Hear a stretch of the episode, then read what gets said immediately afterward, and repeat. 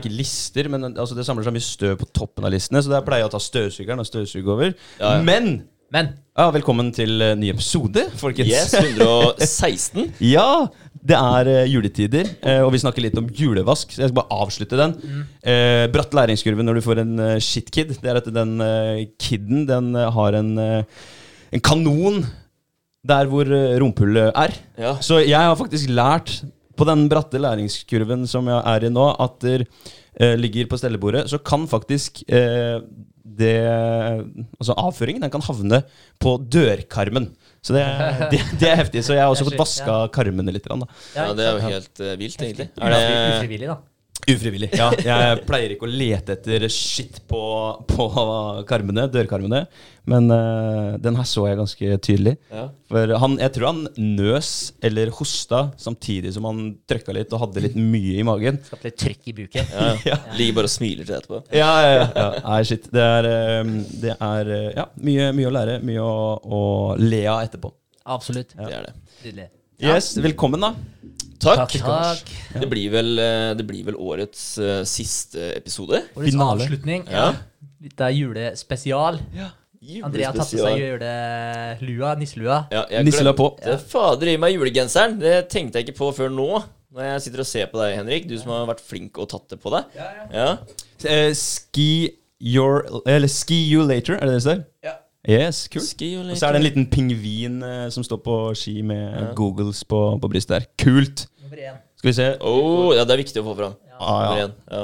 Pallplass. Ikke bare pallplass, men førsteplass. Jeg ble kalt for uh, Pingu før da jeg var mindre. For jeg sagga sånn, så jeg gikk som en eh, pingvin. Nei, Og så ja. vagga du, liksom. Ja, vag vagga, ja. Hadde swag. Ja, swag var det. Swagger. Ja, ja.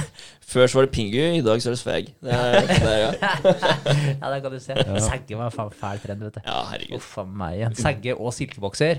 Det, det, perfekt kombo. Ja, den trenden der kan brenne i helvete. Og spesielt når den silkebokseren bretta over kanten. Altså den krølla seg, og så brett, han landa i en sånn fold Ja, ja. over kanten på buksa. Men det var jo umulig å unngå, fordi silkebokseren er jo så eh, glatt at når du da skal sagge, så får du jo ikke Altså, rumpeballene dine holder jo ikke lenger eh, buksa oppe, eller, eller hoftene dine, for den saks skyld. da. Så kan vi ikke skryte av kanskje rumpemuskulaturen vår når vi var eh, kids på Ja, var det 15-åra? Nei, ikke det engang. 12, kanskje? Når man snagga på det meste? Ja, ja. 12, ja. Men, men buksa skulle liksom være sånn midt på rumpeballene, og det er akkurat da den begynner å skli mest. ja. Jeg husker de verste. De hadde liksom buksa under rumpa da. Ja, Da, da var det kul. Ja, ja. det, altså, det, det, det var for mye. Det var Ja, for mye, ja. Midt på var greit, liksom. Men du skulle ikke se bokseren. Nei. Du skulle ikke Genseren måtte henge over. Men greia, at hver gang du dro opp den, da så kom jo den der jævla folden. da Ja. ja, Og så har du en Uh, silkebokser da uten noen form for fleksibilitet.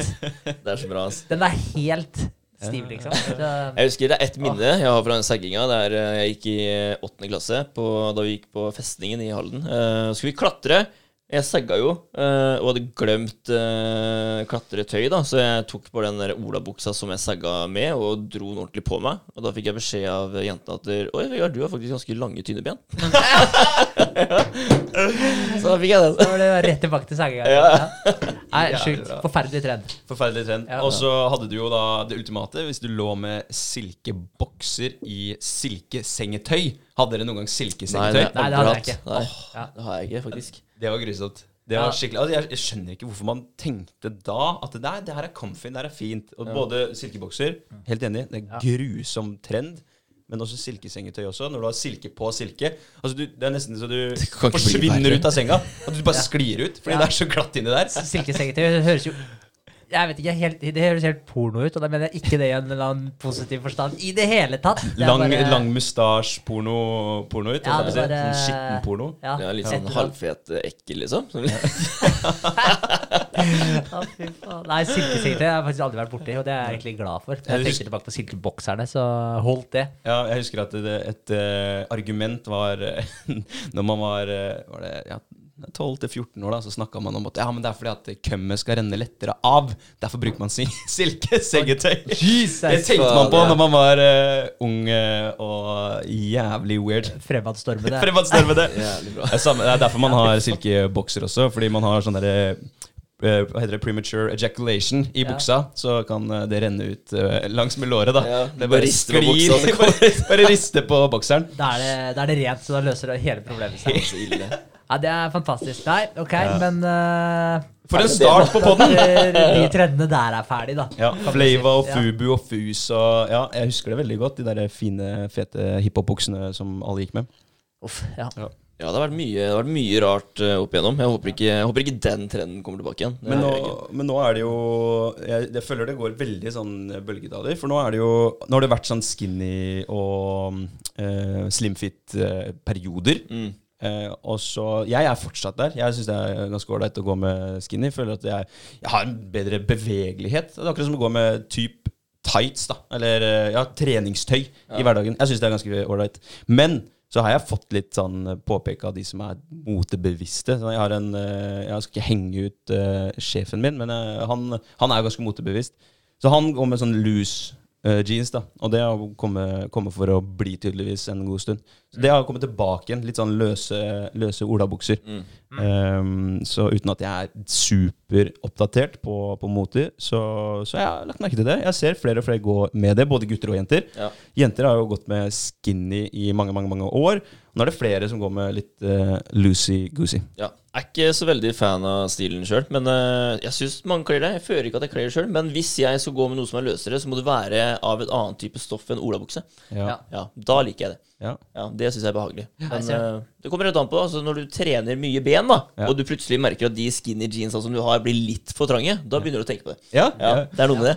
Men jeg hadde faktisk en sånn periode nå at øh, når jeg steppa opp gamet på trening, så ble de skinny jeansa mine litt for tighte. Så det ble ubehagelig. da, for ble, Og da skulle jeg kjøpe noen nye klær, og da ville Sofie at jeg skulle kjøpe noe sånt som var litt mer slacky. Jeg har ikke helt kommet inn i bruken av dem. Jeg er ikke helt uh, komfortabel i de. Men jeg liker noe slakke bukser. Men jeg, jeg liker ikke når de er slakke nede ved ankelen. Nei, det er nettopp det. Ja, jeg, er den litt tight nede ved ankelen, Ja. så kan de godt være slakke oppover. Jeg er Det er jeg veldig enig i. Ja. Jeg føler Det er det, kommer i veien når de slenger ved ankelen der. Ja. eh, av en eller annen grunn. Men eh, jeg er helt enig. Jeg, jeg, vi var på en sånn typ eh, kostymefest for litt siden. Uh, når du var utkledd som, uh, som uh, en Ja. Um, Bank, banksjefen! Banksjefen, ja! Ja. ja. Hva, Det husker jeg ikke hva han het. Ja, men. Nei, Eh, nei. stakkars Jor, nei, Jorunn? Jørund. Jørund! Ja. Ja. ehm, Jørund. og da, og da, da hadde jeg på meg en sånn hvit bukse med malingsflekker på. Den var loosey-goosey, da. Og den uh, syns jeg faktisk altså, Når jeg titta meg sjøl i speilet, så syns jeg det, det, det ser ikke så verst ut. Hva, hva, hva var du? Jeg var eh, um, Jeg skulle si polakk, men det er kanskje krenkende. Jeg, jeg var ikke det. Ikke var, politisk korrekt. ikke politisk korrekt. Jeg var eh, en maler.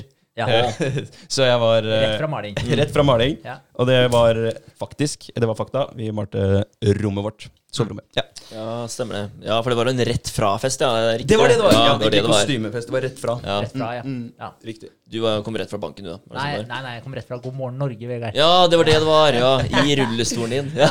Ja, fantastisk. Hadde faktisk laget, det kan vi jo si, at du hadde laga en prop av papp, pappesker, pappkartonger, liksom. Ja, jeg gjorde et hedert forsøk for, på å få tak i en rullestol dagen før, men det klarte jeg ikke. Nei. Så da måtte jeg lage en av papp som jeg kunne bære ved siden av meg. Ja, men, men åssen var det da? Satt du helt til du absolutt måtte reise, eller? Så reiste du opp i, sni, i smug, eller åssen var det?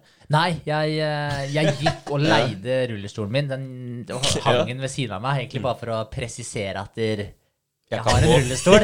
Men jeg kan gå. Kan gå. Ah, Eh, ja. ja, det syns jeg var gøy, da. Ja. Ja, det er kult. Men eh, ja, som vi så i stad, så er det jo siste episoden av det året her. Ja. Så det er jo litt kult, da, å kanskje ta en liten runde på hva det er vi har gjort det året her, da. Hva er det vi har fått til? Hva er det vi føler at vi kanskje har feila litt på? Hva er det vi tar med oss videre? Mm. Det er spennende. Det er alltid spennende. Ja, det er det. Helt klart. Jeg syns jo åra går veldig fort. Jeg må Alt jo for ærlig fort. talt si det. Det er ikke så lenge Er, siden vi satt her er, det, sist. er det klisjé å si det? Ja, det er klisjé, men jeg føler at tida går veldig fort. det er en sannhet. Ja, så det er liksom ukene Altså Jeg føler det er fredag hele tida, og så er det mandag hele tida, og så er det fredag igjen hele tida. Så ukene bare forsvinner, og så Ja. før du vet ordet av det, så er det faktisk jul igjen. Så tida går ekstremt fort. Ja, det det. Så ja, det er klisjé, men jeg tenker det er en grunn til at det er en klisjé òg. Ja, fordi det stemmer. Ja, det er noe fakta i det. Går tiden fortere for de som har mye å gjøre, eller er det likt for alle, tror dere? Jeg tror opplevd, eller opplevelsen av tid eh, går, altså er eh, mye raskere når du har mye å gjøre. For hvis, hvis du tenker etter sjøl, hvis du kjeder deg, eller hvis du sitter på et legekontor og venter på og skal gjøre et eller annet, du bare sitter og venter på, på at ting skal skje deg, istedenfor at du faktisk gjør noe, så går jo tiden veldig sakte. Altså, det, det tar tid når du sitter og venter på at noe skal skje med deg, istedenfor at du skal ta action. da. Ja, jeg leste en eller annen artikkel en eller annen gang om en som uh, snakka om det her, om hvordan tid eh, oppleves. Og han sa at tid oppleves mye raskere i dag fordi den er så stykka opp. Vi gjør sånne småting hele tiden, og så er du på telefonen din, og så gjør du noe annet, og så er du på telefonen din igjen. Og så, altså du, du har sånne små oppstykka eh, tidsrom hele tiden hvor du gjør forskjellige greier. Ja. Så før så var det ja, du, hadde ikke alle, du, du var ikke så oppstykka. Du holdt på med ting over lengre tid. Da. Det var hva skal jeg si, lengre porsjoner som du delte opp dagen din i. Og Da, var- da var det kanskje litt mer sånn at du vet at klokka tre så er det middag. Og fram til det så, så gjør du det du skal gjøre, og så er det middag. Og etter det så kan du, skal du også gjøre det du skal gjøre fram til kvelds, da. Kanskje. Typ, ja. ja, at du har liksom færre porsjoner. Så dagen din som er delt opp. Ja, det har, det har vært mye fokus på det rundt omkring, og jeg har hørt eh, en si noe om det i forhold til at vi mennesker eh, er mer i dag human doings than human beings. Ja. At vi hele tiden skal gjøre noe som Altså, det trenger ikke å ha mål og mening bak seg, eller foran seg. Men bare gjøre noe for å gjøre noe, for at vi ikke klarer å ikke ha noe å gjøre. Klarer ikke å bare være der vi er. Så human being blir litt sånn uh, vanna ut fra, fra gammelt av, og så blir det mer at vi skal, skal gjøre ting Ja. hele tiden. Og det tror jeg stemmer. Ja, ja, At vi ikke klarer å liksom være der, eh, der vi er, da, uten å ta tak i telefonen eller ta tak i fjernkontrollen. Helt klart. Mm. Det Altså, er litt for mange planer. Ja. Det er litt som vi snakka om eh, med selveste Helge òg i forrige episode.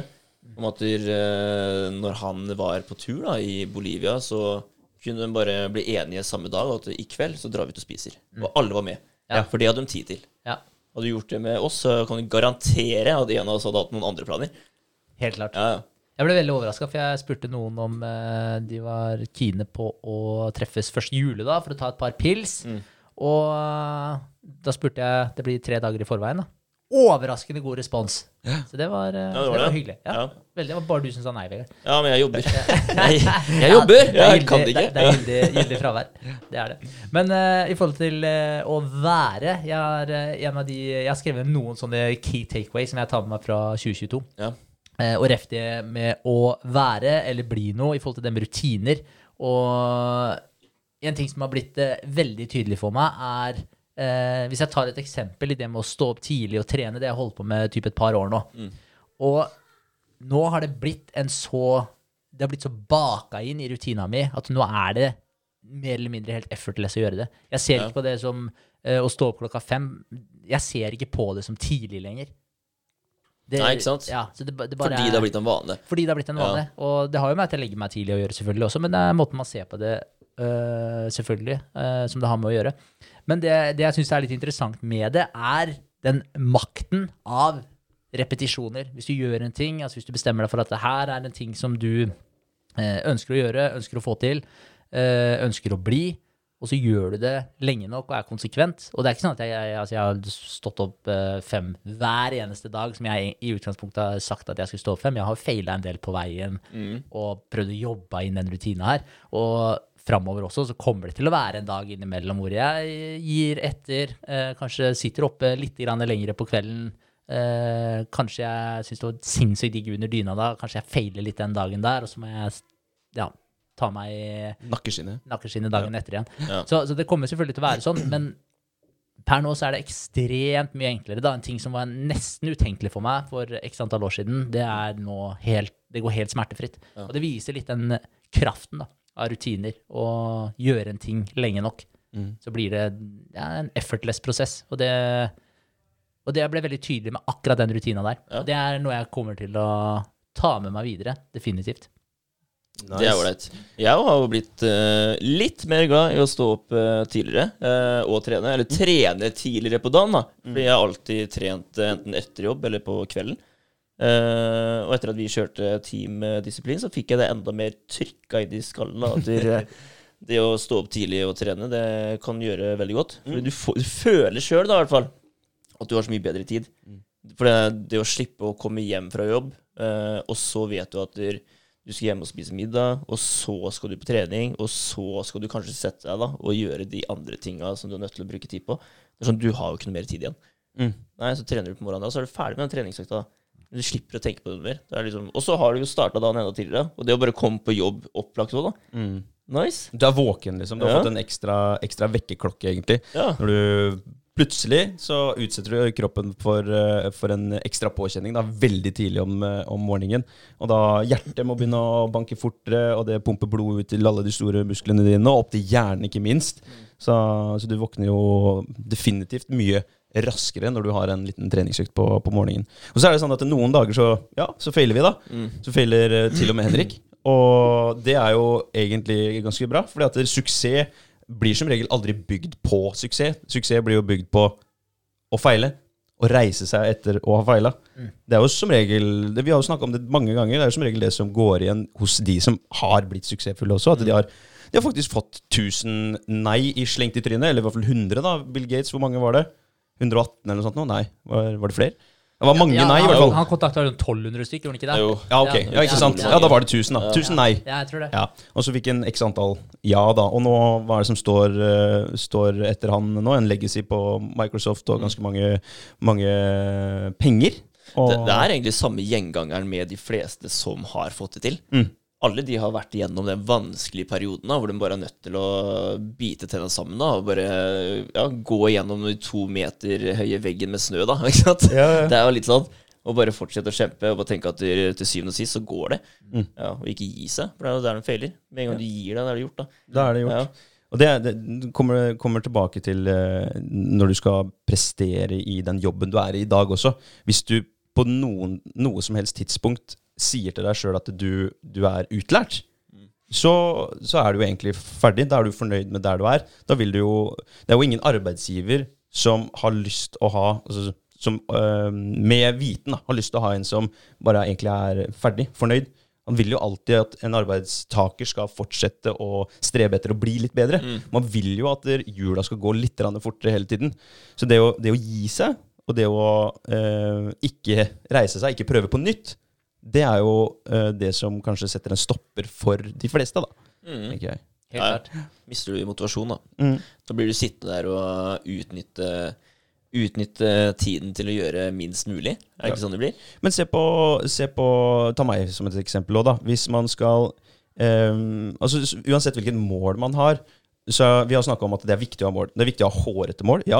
Men det er enda viktigere å ha de delmåla. Akkurat pga. av det her, da. For hvis du aldri når ett av måla dine, så blir du jo motivasjonsløs. da Da Vil jo mis, miste piffen, liksom. Ja. Og, og det samme med meg og det jeg holder på med. Jeg har starta med masse forskjellige ting og lært masse på veien.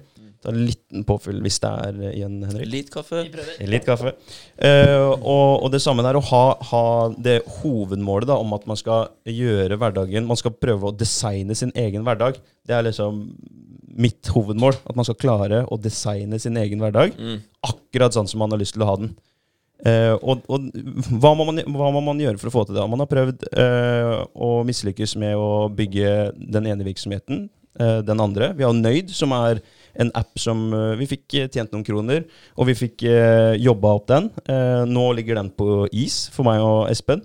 Og så har vi da Bedre, som har tatt prioriteten. da. Og Det er fordi at jeg, jeg har opplevd nå og kjent på at der, Ok, kanskje man må faktisk eh, tørre å ta et valg istedenfor å gripe fast i noe som eh, egentlig ikke er dømt til å lykkes akkurat nå, fordi at du har faktisk ikke eh, tid og energi til å drive den når du har det her. Og det her har eh, kortere vei. Det er mer, mer lavthengende frukt Mm. som du kan eh, høste ganske kjapt, Mm. eh, og da prioritere det istedenfor. Så har man fått en business da som faktisk eh, omsetter for 100 000 kroner uten at det koster deg noen ting. Og det er jo mye eh, mer motiverende det enn å stå og stange med hodet i veggen. Så det å velge, velge det man også eh, har lyst til å fokusere på, det man vil bruke tid og energi på, og ha delmål underveis, så man ikke mister motivasjonen.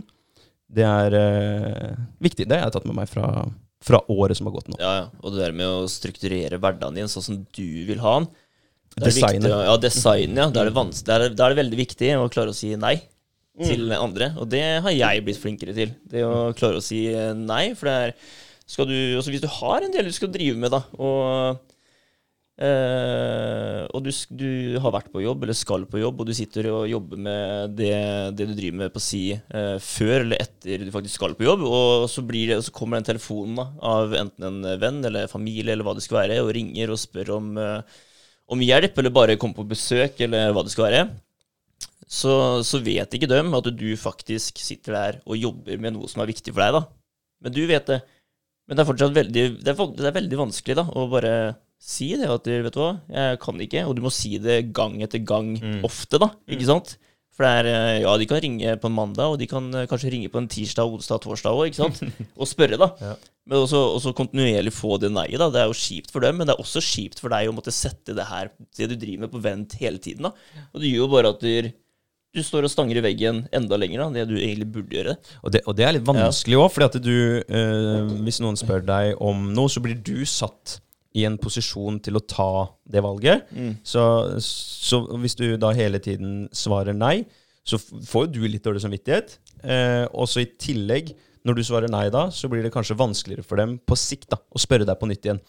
Men hva er riktig? Hvor mye altså, veier det nei-et opp mot at det eh, lar deg få lov til å ta et steg videre etter dine drømmer, da? Jeg tror bare det er viktig å, å få sagt det, og bare si at du, folkens, sånn her er ståa. Ja. Og eh, ja, når, når jeg holder på med det her, så må jeg holde på med det. Men eh, man må jo selvfølgelig sette av tid òg, da. Det er jo det. Men eh, ikke, ikke hver dag eller annenhver dag eller hver tredje dag, men én gang innimellom. da. Så, så kommer man på besøk eller gjør ditt og datten. Men eh, når man skal sitte og jobbe, så må man bare sitte og jobbe, da. Sånn er det. Ellers så kommer du faktisk ingen vei. Det er noe med det. Du må prioritere. Ja, så det er det å si nei, da. Det er viktig. Det er Ja, det er eh, kjempeviktig, og, og det vil alltid være krefter utenfra som eh, trekker oppmerksomheten din og tar tida di. Så hvis ikke du er årvåken i måten du styrer egen tid på, så vil den tida forsvinne, fordi andre vil kreve den tida av deg. Så det, det der er utrolig vanskelig, men det er, veldig, eh, det er en veldig god egenskap å lære seg å eller bli flinkere til å si nei. Og det merker man jo veldig godt når man føler at det, hvis man har noen viktige prosjekter å jobbe med, et eller annet som man har lyst til å bli mye bedre på, en egenskap man har lyst til å utvikle, eller om det er et prosjekt man jobber med for å få til, så, så når du har den, det store målet der, eh, som du vet du må legge ned tid og jobbe mot, så blir det mye eh, mer åpenbart at du må si nei. Fordi du merker på et eller annet tidspunkt at der, eh, stresset blir høyere, man blir kanskje litt irritert osv., så videre, for man føler at man ikke får jobba nok med den tingen man føler at man burde ha jobba med. Mm. og det er jo først da det her blir veldig synlig. Hvis ikke du har noe spesielt å drive med, hvis dagen din eh, går i å bare reagere på miljøet og samfunnet rundt deg, eh, det du holder på med om dagen, er å slenge deg ned på sofaen når du er ferdig på eh, jobben som du liker sånn halvveis, og så sitter du og ser på TV resten av dagen og får i deg noe middag fordi du skal slappe av for å lade opp batteriene til du skal på den samme jobben som du liker sånn halvveis i morgen. Hvis det er dagen din, da koster det deg ikke så mye å bli forstyrra hele tiden og bli avbrutt. Men hvis du virkelig sitter og jobber på noe som har stor betydning for deg, så er det ekstremt viktig at du verner om tida di. Så, men det der er en eh, evig kamp, og det er veldig vanskelig. Og det er som du sier også, Vegard, man må faktisk passe på også, så man tar vare på de forholdene som man har òg. For man skal ikke eh, man skal jo ikke passe på at man ikke neglisjerer de, sånn at man ødelegger de forholdene også. Eh, og i hvert fall når det er eh, familie og venner som man selvfølgelig har lyst til å ha et godt forhold med videre. Så det er en balansegang hele veien. Men det må være en gjensidig respekt for tida til hverandre også. Så, men det er en balansegang som man må, må finne ut av. Og hva er det på en måte, hva er det riktige nivået å legge det på? Ja, og så er det å være tydelig, og tørre å være tydelig. Det er vel kanskje vanskelig for veldig mange i dag å tørre å ta, å ta stilling til det. At oi, shit, jeg må faktisk eh, prioritere bort de jeg er veldig glad i, akkurat i den perioden der. Og jeg, jeg ble spurt om det for, eh, for litt siden, en liten stund siden. Hva um, for, det, for det er noe man ikke tenker på så ofte. Altså, jeg har blitt kanskje flinkere i forbindelse med podden. Hva er dine styrker, og hva er dine svakheter? Jeg ble spurt om hva, ja, hva er en av dine største svakheter. Og ja, det har jeg vært veldig bevisst på de, de siste to åra, eller de siste åra. at det- Samme som Vegard. Det å jeg, er veldig sånn yay-sayer. Skal være med på, bli med på um, ting, løse ting, uh, stille opp for andre. Uh, for jeg føler at uh, ja, ok, sier man ja, så, så gjør man noe godt for noen andre. da, Føler jeg nesten hele tiden. Men det er jeg blitt mye flinkere på nå, og det må jeg jo, hvis jeg skal både jobbe for min egen hverdag, men også for Jakobs Jakob sin hverdag. da. Og det har vi snakka om også. Jeg har jo lyst til å være eh, det beste rolle, eller forbildet eller rollemodellen jeg kan være. Og hvordan jeg gjør det, det må jo være på å ha mine rutiner og vaner i orden. da, Sånn at han også klarer å adaptere det, eller adoptere det, sorry, for å, å implementere det i sin hverdag på sikt. da. Det er vanskelig for han å gjøre det akkurat nå, men etter hvert så vil det vil jo det, altså det vil jo være meg og Kristin som er hans første og nærmeste forbilder. Og da det er, er det viktig at eh, både jeg og henne er bevisst på at vi tar vare på våre egne rutiner og vaner. Helt klart. Men det er utrolig gode poenger. Det med styre tid, klare å si nei Mm. og den biten der. Og det er noe man kan øve og trene på hele, hele tida, egentlig. Og det henger jo veldig godt sammen. Både styretid, si nei, tørre å si nei, ta vare på relasjoner. Alt, det, det bunner jo ut i hvor mye tid har du Mm. til hver enkelt del. Og vi snakka om det nettopp, det er med at tida går fort. Tida går enda fortere Ja. hvis du ikke klarer å si nei. Jeg skal akkurat si det. ja, absolutt, den gjør det. Så rekker du ikke å være da, i, i det øyeblikket du er i. Helt klart. Det går eh, veldig inn i en annen ting som jeg også har skrevet ned, da, og det er i forhold til det her med å planlegge dagen din eh, kvelden før. At du setter av tid til de tinga som du skal gjøre dagen etter. Og det er en ting som jeg på en måte Vi har snakka om det tidligere også på, på podkasten. Vi snakka om det i 2021 også, Mm. eh, og hvor viktig det var. Men det er på en måte en rutine som har sklidd ut litt for meg, som jeg ikke har klart å integrere ordentlig. Men det har jeg begynt med nå igjen, da, og tatt opp den tråden. Så jeg har hatt en litt sånn mer ustrukturert uh, flyt på det. Jeg har bare satt av en bolk at da skal jeg jobbe, men jeg har ikke satt av konkret hva er det jeg skal jobbe med i den perioden. Mm. Og det har jeg begynt å gjøre nå i det siste, og det også er uh, ja, revolusjonerende i forhold til uh, hvor mye jeg får gjort, og hvor seriøs jeg er med det jeg driver med også. Mm. Fordi, for det er egentlig to elementer her. Det ene er å planlegge kvelden før. Ikke sånn helt i detalj, men sette av noen bolker. Da skal jeg jobbe med den tingen. Og så eh, litt av pause. Da skal jeg jobbe med den tingen. Det her er ting jeg må få gjort eh, i løpet av dagen som ikke har noe med jobbing å gjøre, men andre ting jeg må få gjort. Det gjør jeg i den tidsperioden der. Eh, og så og planlegge dagen sin sånn. Og så, eh, når jeg gjør det, så er det to ting. Det ene er den der eh, For det første at du, når du våkner dagen etter, så vet du nøyaktig hva du skal gjøre den dagen. Du har en klar aim. Og, og du har ikke en vimsete tilnærming til det i forhold til Nei, i dag føler jeg egentlig ikke helt for å gjøre ditt og datten. Nei, men ok, men jeg i går sa at jeg i dag skal gjøre det her. Da er det det her jeg gjør.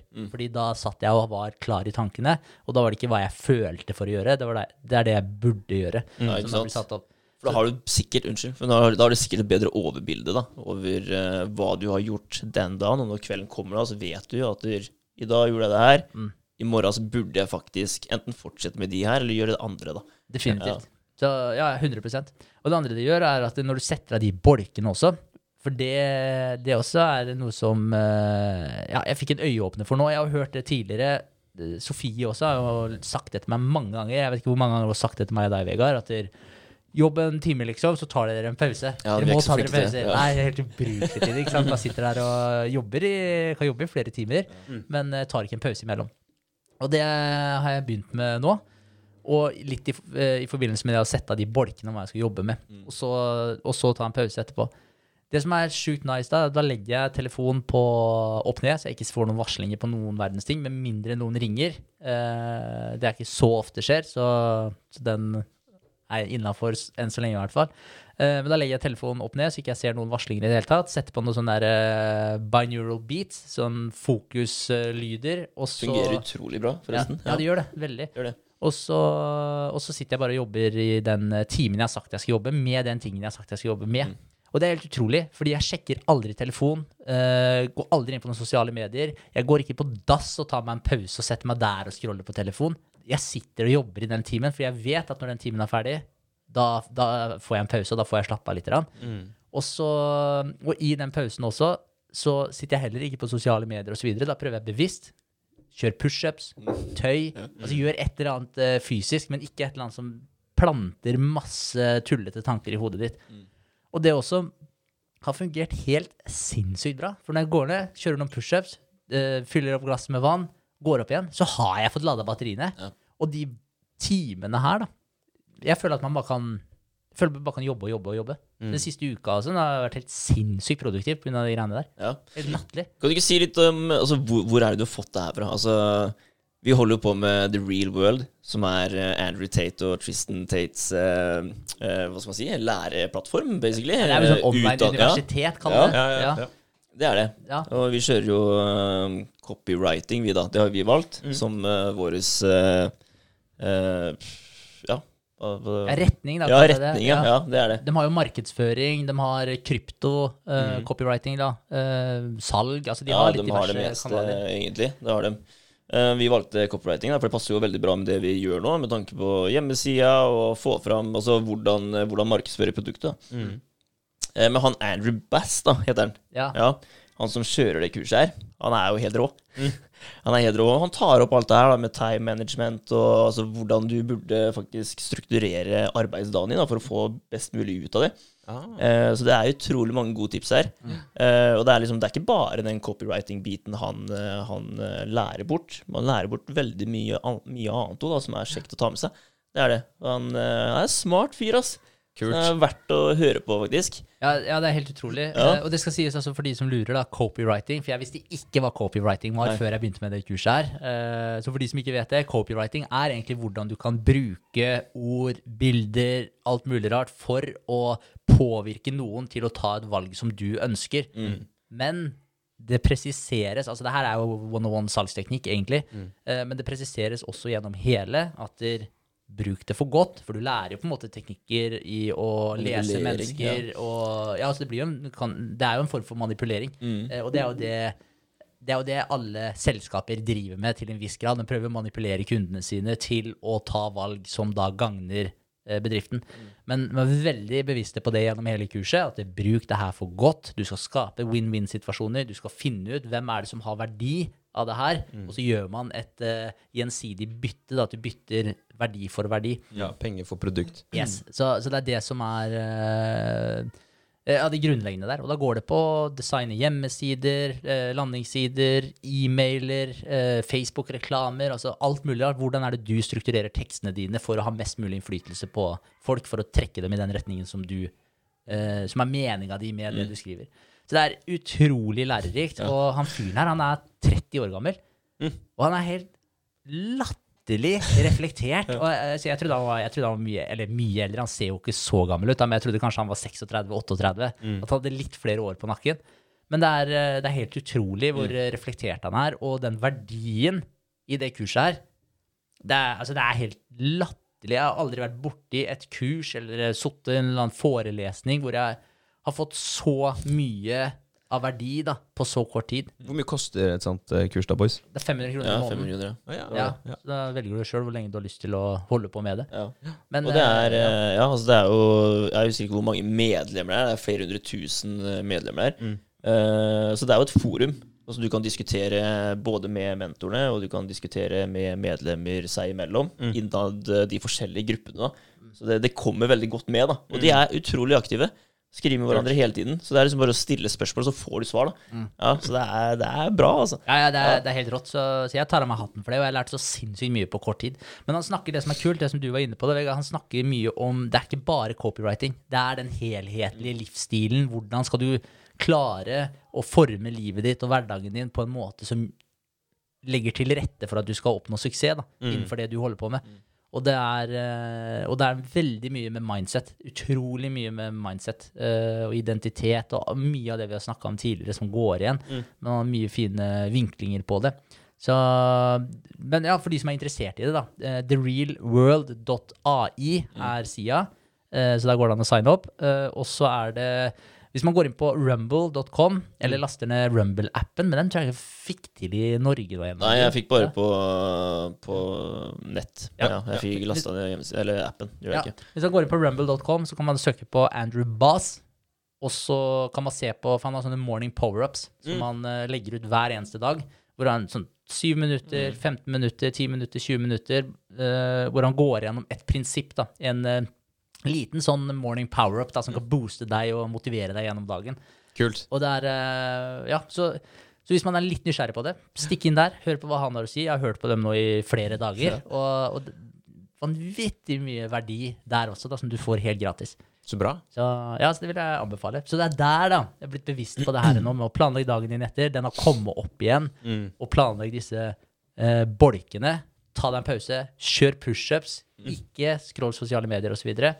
Kjør noen pushups. Gjør et eller annet som bare ja, er fornuftig å gjøre, og så, og så kjører du på igjen. Og det ja, Nå kan jeg skrive under på at det, Det fungerer ja. ekstremt bra.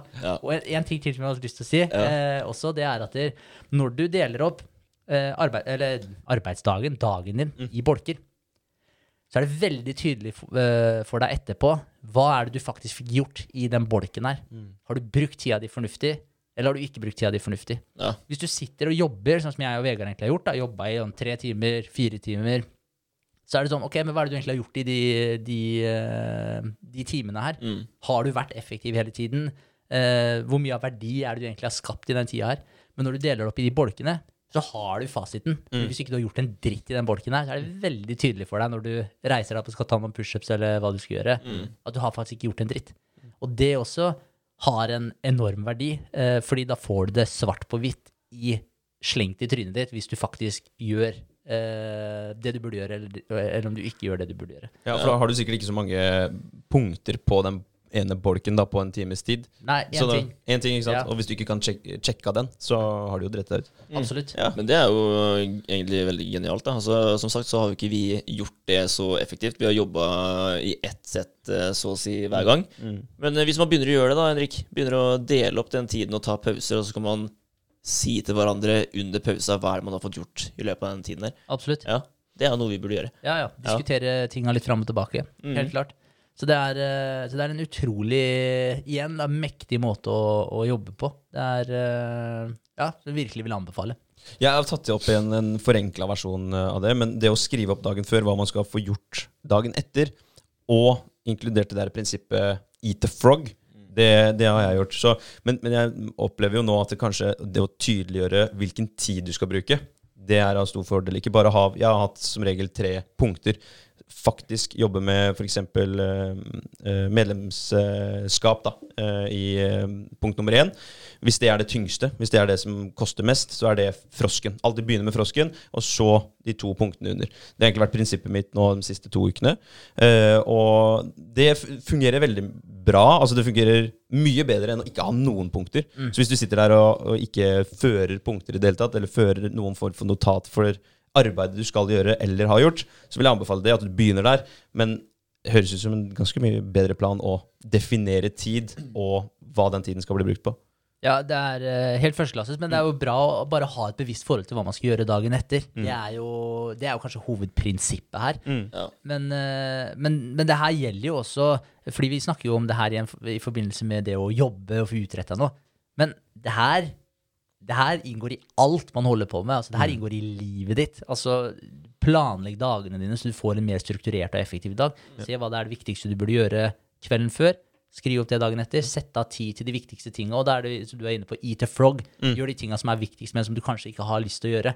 Men gjør de. Og det trenger ikke ha noe med jobb å gjøre. Det kan bare ha noe med å skape en bedre framtid for deg og de du har rundt deg. Det kan være det bomba eh, kontoret da, som du ikke har rydda på en stund. Ja, du bør faktisk rydde. Rotete eiendommen. ja, jo- ja. Rydde opp i tinga dine. Rydde opp i det.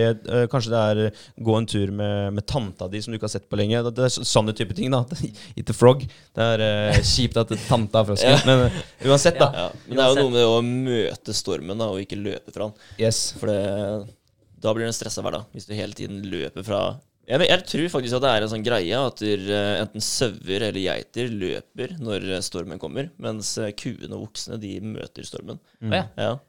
Ja. Men møter du stormen, så blir det dårlig en liten periode da, og tungt, men eh, så kommer jo det fine været. Ja. Hvis du konstant løper fra det, så følger den deg veldig lenge. da. Ja, Og så er det vel ganske typisk at de som ikke har rusta seg opp for en storm, løper fra den. Men de som faktisk er rusta for en storm, de som har tatt vare på, på kropp og sinn og, og har disse verktøyene her innarbeida, de kan ta på stormen, og så kanskje de ja, får litt uh, skrubbsår på, på veien. da. Mens uh, de andre, de, de må løpe for livet. Så godt poeng. Men jeg tenkte på, gutter, vi har snakket om, eh, om eh, ting som vi har eh, dratt med oss fra året. Skal vi hoppe over på tre podder med gjest som vi syns har vært Som vi syns har vært fete, Fete, ja. det året her, ja. Ja, i 2022. ja.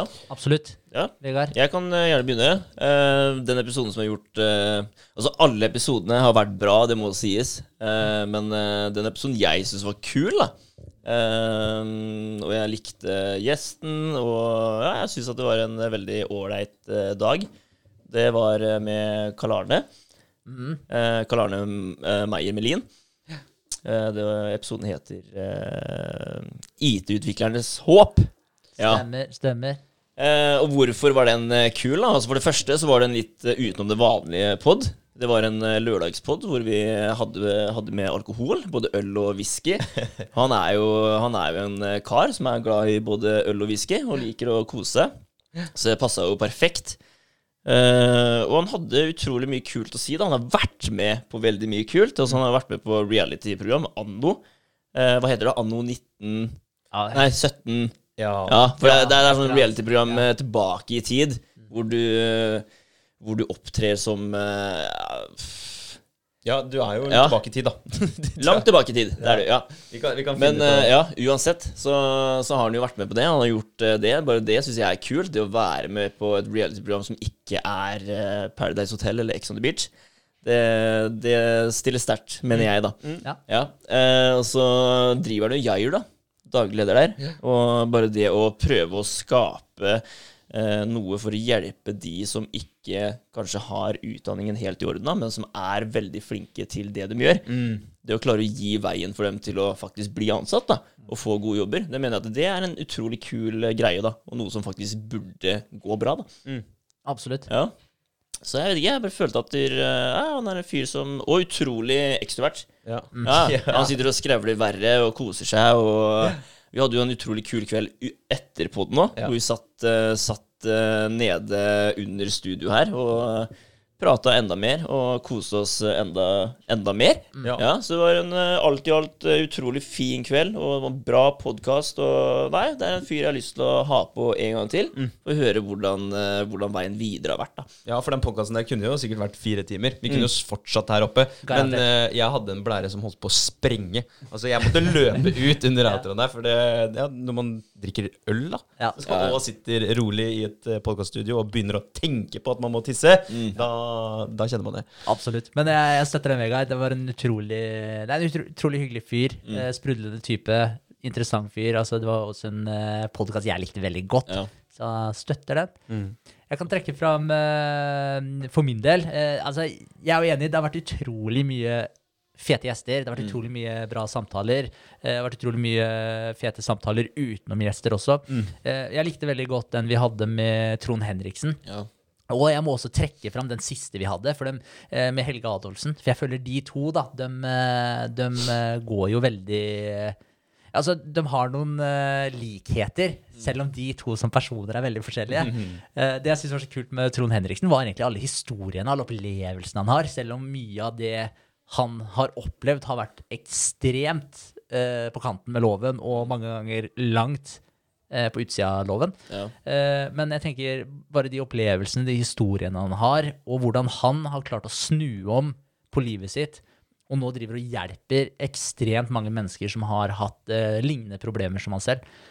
Jeg syns det er inspirerende å se hvor mye en fyr kan få til. Og ikke bare det, men altså, det er aldri for sent å snu heller. Så han har vært ute på et, eh, eh, et kjør eh, u- på vei mot helvete, om man kan si det på den måten. Mm, virkelig. Og så har han uh, tatt seg sammen, bretta opp armene og brukt det han kan av, eh, med sine egenskaper, sin historie, sin reach. Han har brukt egentlig fortida si til å bygge opp det han har bygd opp i dag, og nå hjelper han utrolig mange mennesker.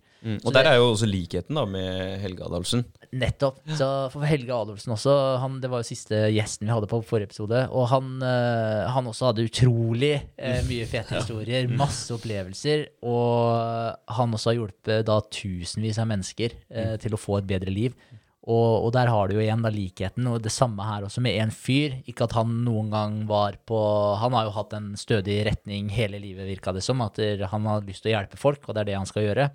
Men å se en person som bestemmer seg for å få til noe godt, hvor mye de faktisk klarer å utrette. da. Hvis du ser på Helge og hvis du ser på Trond Henriksen, så er det bare å ta av seg hatten. Jeg syns det er utrolig kult, inspirerende, og det viser at det, er- det er mulig. Ja, når man dedikerer tiden til, eh, til noe, så er det liksom nesten ingen grenser på hva man kan få til. Man har bygd opp et universitet, Ja. og, og Trond Henriksen har jo løfta Kirkens Bymisjon opp til nye høyder. Og han, eh, jeg syns han er i mediene konstant, med, med positivitet. da. Fordi det skal jo sies, i mediene er det jo ikke så veldig mye positivitet. Det er veldig sant. Eh, Det er det ikke. Utrolig spennende å snakke med, snakke med de som ikke lever det, det vanlige A4-livet, da. Ja, som Ja. gjør noe litt utenom det vanlige. Det, det syns jeg er, det, det trigger veldig mye. ass. Det er eh, veldig spennende, og det gir meg mye òg. Høre, høre hva de har gjort, og hvordan de har fått det til, og hvordan livet deres er i dag. Det er, eh, er veldig, veldig kult å høre. Det er en av de største frynsegodene med den podkasten her. Det er jo å få lov til å snakke med de som, som gjør noe helt annet, og som gjør ting som kanskje er utypisk eh, den gjennomsnittlige nordmann eller eh, kvinne. Og det å, å utrette ting med egne hender, med den tida du har til rådighet, med de pengene du har. For eh, verken Trond Henriksen eller Helge Adolfsen, sånn som jeg forsto det, har vært millionærer fra starten av og bare kunne kasta penger på et problem, sånn som veldig mange gjør i eh, disse tider. Det er deres kunnskap og erfaringer som de har brukt på, på å gjøre de greiene her. da. Ja, ja. Man har gått og banka på x antall eh, dører, Yes. og dørene har åpna seg. da Så eh, de, de er jo egentlig bare et levende bevis da på at eh, det funker. Kort vei til, fra idé til handling på, på begge to. At de bestemmer seg for noe, så, så gjør de det. En annen mann som hadde mye fett å si på, på podden her, var eh, landslagssjef for herrelandslaget i håndball, Jonas Ville. Ja. Han uh, syns jeg også var en meget god uh, podkastgjest. Har jo, jeg har jo en forkjærlighet for mannen, for jeg har jobba sammen på um, håndballsida før. Når jeg har jobba som trener for, eh, for diverse ja, både bedrifter og, og foreninger. Så jeg har snakka med henne en del, og i forbindelse med, med et um, motivasjonsforedrag som jeg var med på med han. Han hadde det foredraget, og det het uh, et av prinsippene hans. da. Det foredraget het Ny ball. Og det, det er det prinsippet jeg kanskje har lyst til å, å mimre mest på nå. fordi at når man, som vi snakka om i stad, eventuelt feiler, når man detter på snørra, eller når man eh, eh, ikke står opp, så er det faktisk sånn at du kan ta, dem, eh, ta opp ballen, og så kan du kaste på nytt. Du kan alltid prøve en gang til. Med mindre, med mindre det, det skjer noe alvorlig med deg som gjør at funksjonsevnene dine ikke er der de var, eh, så kan du. Uansett hva det er. Mm. Så det prinsippet der, der, som man deler ut til sine, sine spillere også at der, Ikke gå og tenk på den gangen du bomma på mål, eller du bomma på medspiller, eller dere mista ballen, eller dere slapp inn et mål. Gå og tenk på hva du kan gjøre neste, neste gang. Vi, vi er vel kanskje veldig kjent for, vi mennesker, å dvele lenge ved historien, altså det som har skjedd eh, langt tilbake i tid, istedenfor å fokusere på hva vi faktisk kan gjøre med den tida som kommer til oss. For den kommer uansett. Ja, det er veldig sant. Jeg tror kanskje noe av det sjukeste med den podkasten Når vi snakka med Jonas Wille, er at jeg, jeg lærte at en person som han, som er eh, såpass godt trent og ser så frisk ut, da, ikke sant At han aldri drikker vann når han trener. Han drikker jo ikke vann, han drikker Pepsi. Altså, det er jo det sjukeste jeg har hørt. Hvordan går, hvordan går det? Eh, da ble jeg sjokkert, faktisk. Men eh, ja, Så der bør han skjerpe seg litt. Han, han har forbedringspotensial. Ja, han har det. Ja. Og, det, Ja, vi og det er jo godt, da. Da, da er han litt mer dødelig. Ja, Ja. det er sant. Nei, men jeg er enig også. Utrolig, utrolig fint prinsipp som man kan dra med seg langt på utsida den sportslige verden. Mm. Ja. Det kan man. Kult. Ja, og da er det å ta med seg de tinga vi har lært fra både gjestene våre og hverandre inn i 2023. Ja. Bare tenne sigaren på nyttårsaften, og så satse på at eh, 2023 eh, gir oss like mange fete gjester og fete samtaler. Enda mer. Ikke satse på, men sørge for. Sørge for. Yes. Helt enig. Mm. ja. Lære, lære mer. Mer som vi kan ta med oss inn i de neste åra. Ja. Det, det må til.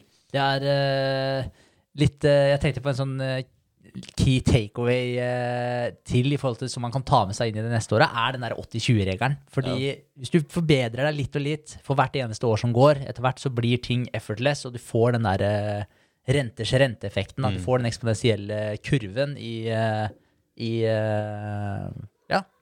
I alt du du gjør. blir bedre i alt du gjør. Ja. Så, så ja, forbedre seg litt hvert eneste år. Det kan ha en massiv effekt om 10-20-30 år. Så det er bare å, det er bare å kjøre på. Ta med seg de prinsippene man kan. Men det er spennende. Jeg gleder meg til eh, 2023. Ja, det gjør jeg. Ser fram til det. Nå er det mye spennende som skjer på mange fronter. Det er det. Så det er bare å brette opp armene og fokus framover. Fokus framover. Ja. All right, opp med blikket 2023. Her kommer vi. God Takk for i dag. God jul og godt God jul, nyttår. ja. Og godt nyttår.